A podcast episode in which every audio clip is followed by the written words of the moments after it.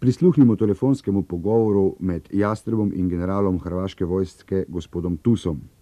Pogovor je potekal v času, ko so četniki prišli do centra Vukovarja. Jastreb je, kot boste slišali, že takrat generalu Tusu dal vedeti, da je nekdo želel, da Vukovar pade. Da on nije uzeo ljude naše, mi bi to napravili noćas, prošlu noć. Sve je bilo sređeno organizovano. A ne znam koje ljude mogu da uzme. E pa pitajte gospodina Gorišnjaka čije je on ljude uzeo ovaj, njegove i moje. Je to od, od Basarca one ljude? Pa neke njegove, a drugo je uzeo ono što je meni upućeno iz Zagreba. On je pokupio i uzeo. Pa nije valjda onog Stjepana? Ma nije, to su oni dobrovoljci neki. Aha, aha. Dobrovoljci. Da, da, da, da. To su stvari luda kuća. E pa jeste, vidite ti, vidite vidi ja sada da, da radim i što, kako da radim. U centru grada. Čuj, U centru grada. e, jel, jel će se moći nešto večeras raditi? A, čini mi se da je bespredmetno gospodine upravo dobio vijest da su došli do štaba. Do koga štaba? Pa u, u, u- u onome tamo gdje je Branko. Kod Branka. Da.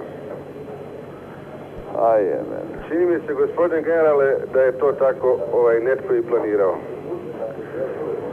A kako je neko, pa mi smo tu koji planiramo. To Ne drugi, mislim ja na vas gospodine ako drugi generale. nešto uspjeva mimo nas, to je to. Ne mislim ja na vas osobno gospodine generale. Postavio sam pitanje tome M i onome S i on je tamo, znate. I onaj G je tamo, svi su tamo. Razumijete me? Da, Gdje ste do sada bili, gospodo? Tri mjeseca smo mi u okruženju. tako je, A oni se sad pojavljuju kad Vukovar pada. tako je. E. To su veliki borci za Vukovar, znate. Aj, men. Sve sam te razumio. Ja bih vas molio da osobno upoznate gospodina predsjednika. Dobro, Da su sada evo u centru. U centru su i da idu na štab. dobro. E, da hitno preduzme nešto da bar to pućanstvo spasi. Znam, ali šta to može biti? Znači apel. To znači da nema apela, a od apela nema ništa. To znači da treba dati zapovjed da se borci izvlače, a humanitarne organizacije... No, obstaja pa tudi en dokument, ki pravzaprav kaže na to, da je gospod Tužban priznal človeka, ki je na oblasti v tako imenovani srpski krajini Baranija, kajti eh, z njim podpisal je dokument, s katerim se strinja, da gre skupaj na pogovor z njim, sicer Republika Srbija, Republika Hrvaška in Republika Sao krajina Baranija. Da, u tom dokumentu stoji da će se sastati predstavnici Srba iz Hrvatske i istočne Slavonije. I mi smo po logici stvari zaključili da on smatra da to više nije Hrvatska. Jer ako kaže i, to je isto kao kad bi sada rekla Slovenija i Dolenska. Razumijete? Prema tome ovaj, mi nismo se s tim složili da može biti i. Mogla je samo biti Hrvatska. Bez i istočna Slavonija.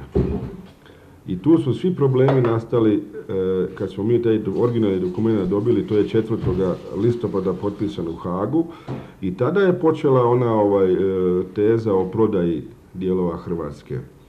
Je mogoče eh, lahko tudi potem to, da ste vi veliko več vedeli, kot bi smeli, bil tudi razlog, da vas je bilo potrebno spraviti s poti? A znate što, radi se o tome što ja osobno jako puno znam. Ja osobno imam jako puno dokumenata, imam puno traka snimljenih i jasna je stvar da njima takav svjedok ne odgovara. I oni sve pokušavaju i pokušali su da istina o Vukovaru i Istočnoj Slavoniji ne dođe u javnost. Oni to sve rade da bi zadržali svoju vlast. A ja sam uvijek govorio i sada govorim da je meni Hrvatska uvijek bila na pijedestalu.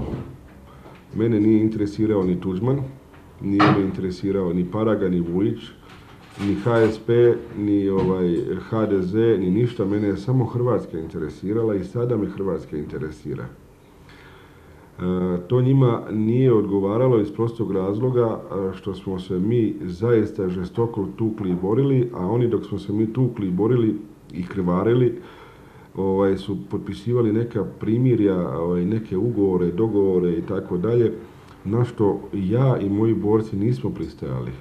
Nismo pristajali iz prostog razloga što smo previše žrtava dali, što je Vukovar cijeli i istočna Slavonja razorena.